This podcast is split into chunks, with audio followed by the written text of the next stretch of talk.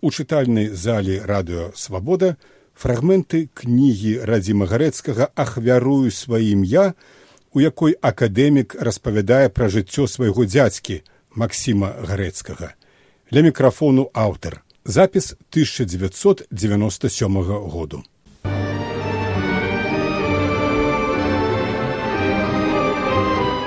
Толькі ў канцы кастрычніка 1923 года Максиму Гарэцкаму разам з сям'ёю з вялікімі цяжкасцямі з'ездзіў варшаву ў савецкае пасольства дзеля атрымання права на ўезд у ссср быў зволены з гімназіі як непажаданы элемент удалося пераехаць з вільні ў савецкі менск яшчэ амаль паўтары гады жыцця было скамкана зноў у ліпені месяцы 1930 году а менавіта 18 ліпеня амаль у дзень нараджэння сына лёні 15 ліпеня і ў дзень шлюбу з лянілай усціннай чарняўскай 16 ліпеня Масіма гарэцкаго арыштоўваюць у гэты ж дзень быў выпісаны ордер і на арышт гаўрылы гарэцкага 10 красавіка 1931 года у дзень наражэння гаврылы Максім быў прыгавораны да пяці гадоў высылкі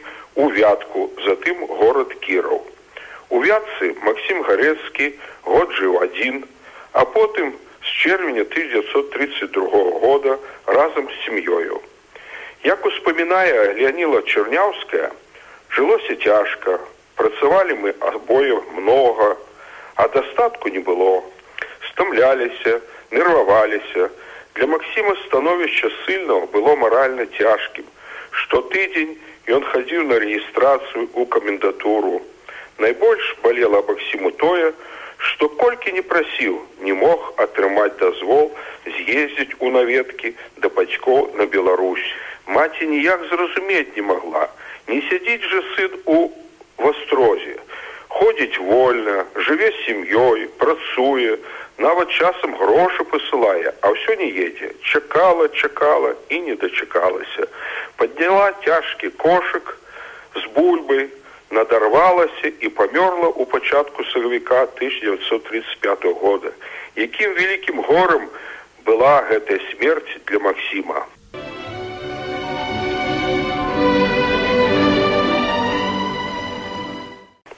У канцы кастрычніка 1937 года чорны ворон забраў гаврылу гарэцкага які ў той час працаваў у будаўніцтве беламорска-балтыйскага камбіната ў медвежай гары карелія а ўжо ў ноч з 3 на 4 лістапада арыштавалі і Масіма гарэцкага які жыў у пасёлку кіраў была і песочная і працаваў настаўнікам рускай мовы і літаратуры праз тры дні Леоніла Чернявская сыном приехала у Вязьму, атрымала дазвол на передачу, белизну, цукар, махорку, сухары передать чамусьці не дазволілі.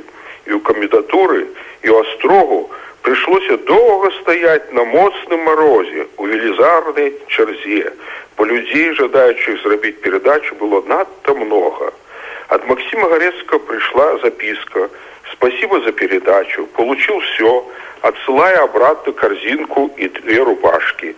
Заботьтесь о себе, Максим. Чернявская вспоминая, и эта записочка была опошняя, писанная до нас рукой Максима. Вернулась я у песочню, пошла до следчего, каб дозволил споткание. И он, правда, обещал, але калі я з'явілася на дазвол, сказаў, што зараз справа гарэцкага не да іх належыць. Еще раз поехала я ў вязьму, звярнулася ў камбінатуру. Дзяжурны, той, што ў пачатку студзены дазволіў перадачу, абвесіў, што Макссіма Івановича Гарецкага ўжо нема ў вязьмі. А куды выехаў, не ведае.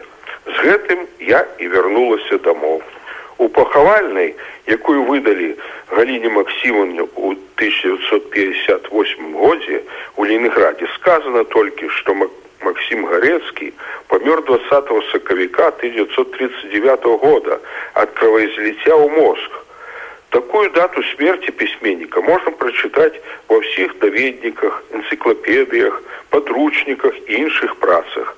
Але гэтая даведка яшчэ адзін здзек сістэмы над яе ахвярамі, бо такі тэрмін і месца смерці былі чарговай хлуснёй.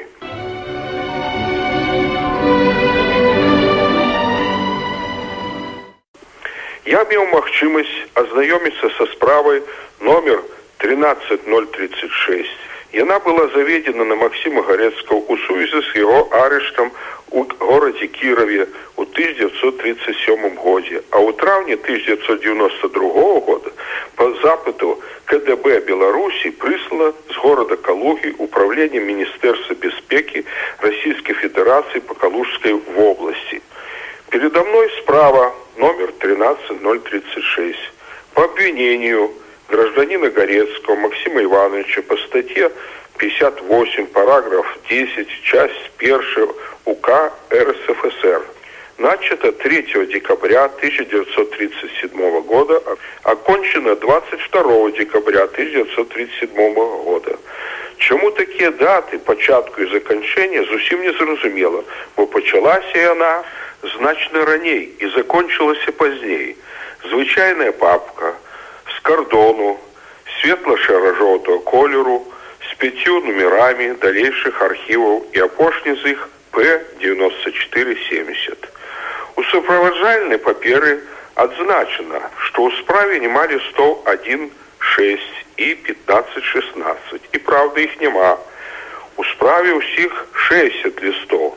Найбольш стары по тэрміну дакумент ліст 10 даведка аб заканчэнні адбыцця ссылкі Макссіма Гарецкага.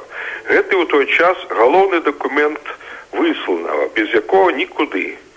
Даведка зроблена дрэннай паперы са школьного сшытку і выдадзена Макссіму Гарецку ў Кірове начальнікам О УГБ НКВД по Кіровскому краю 21 липня 1935 года.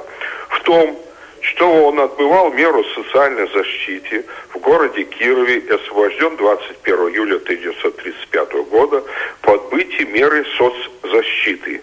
Видом на жительство служить не может, при утере не возобновляется.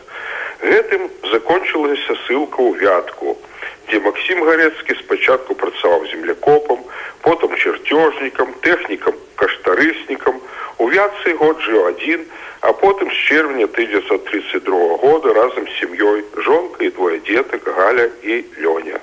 Жыццё было цяжкое, каб пракарміць сям'ю прыходзілася многа працаваць і часта браць працу дамоў, але не займацца літаратурай ён не мог і аднекуль знаходзіўся час і сілы, каб апрацоўваць віленскіх камунараў, пісаў рускі варыянт віленскіх воспамінання. Нарэшце ён атрымаў пашпарт. Можна было падацца бліжэй да бацькаўшчыны, бліжэй да межаў Беларусі. Ехаць у мінск шукаць там работы ён не адважыўся.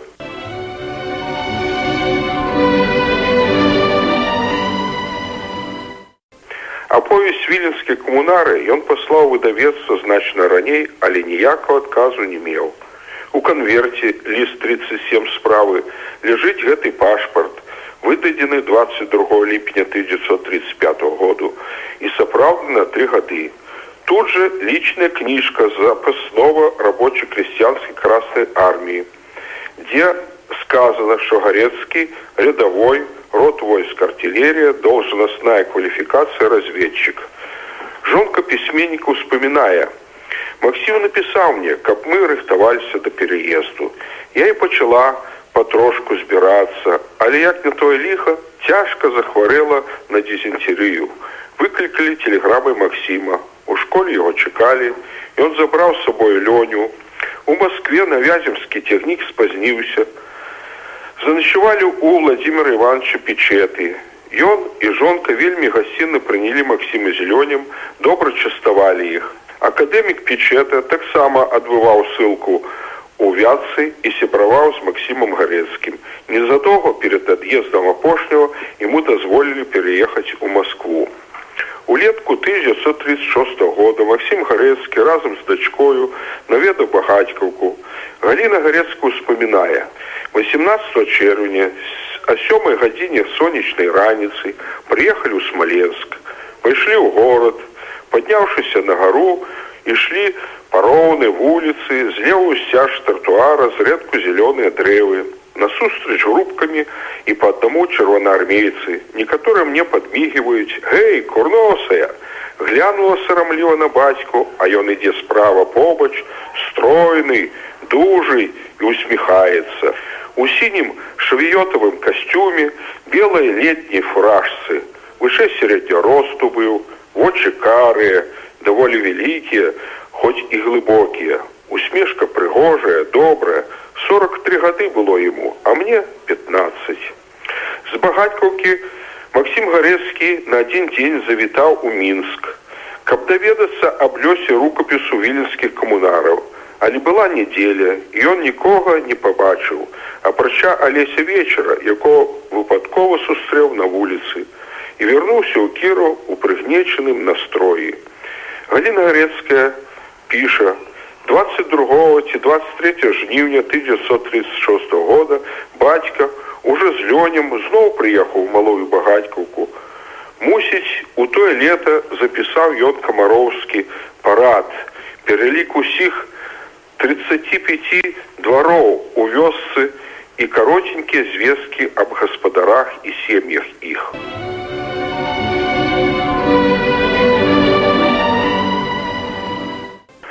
кастрычніку у госці на некалькі дзён прыехаў брат гаўрыла гарецкі жонкай, які гэтаму часу вызваліўся ссылкі. Браты не бачыліся больш за шесть гадоў. Гамонкам не было канца. Радасць вялізная. Чарняўская ўспамінае, гэта была адзіная радасная падзея ў тагачасным нашым жыцці. Галіна Гарецкая піша: У восень 1936 года грыбы добра раслі, Бацька і лёне прыносілі іх поўнымі кошыкамі, а мама саліла, сушыла, марынавала, смажыла. Дапамагала яна бацьку як магла ў яго працы, правярала вучнёўскія сшыткі, дапамагала рыхтаваць патрэбны матэрыял для урокаў, переклала маці на беларускую мову яго апавяданне дзедушка.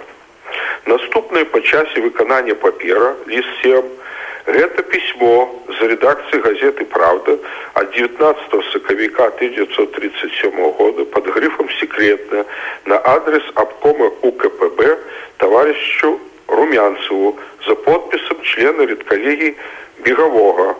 Пересылаем вам письмо Васильева ПП Кирова Западной области Ленина 78. Сообщаем, что устно Васильев рассказал следующее. В средней школе в городе Кирове, где работал Васильев в качестве преподавателя математики и физики в январе 1937 года, на вечере памяти Ленина докладчик преподаватель литературы Горецкий назвал троцкистско-зиновьевскую банду оппозицией и сказал, что в нашем обществе еще имеется эксплуатация человека человеком что имеется такая эксплуатация, говорил на этом же вечере в вводном слове член ВВКСМ преподаватель истории Азаров, член партии, в том числе портовых школы Якушенко, на вечере не присутствовали.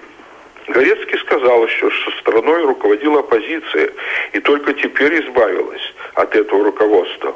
Он в прошлом белорусский националист, недавно вернувшийся из ссылки. Ученики в школе делают контрреволюционные надписи. На плакате в вечере памяти Ленина написали «Вход 1 рубль». В 1935 году в школе был случай расстрела портретов вождей из рогатки. Отдел школ обкома, получив сигнал обо всем этом, из правды переслал материал в райком и последний поручил расследовать дело культ пропу райкома Савельеву, который одновременно является преподавателем истории в той же школе. Горецкий продолжает работать в школе. С памятки Леонилы Чернявский может доведаться, з'явіўся новы чалавек у школе настаўнік Васіліў памятаю што прыйшоў ён да нас я пачастала яго чаем а ён азіраючы нашу убогую мэблю запытаўся что у вас усё канфіскавалі відаць ён чуў аб нейкай рэпрэсію адносінах да Масіма а так там не вызначаўся у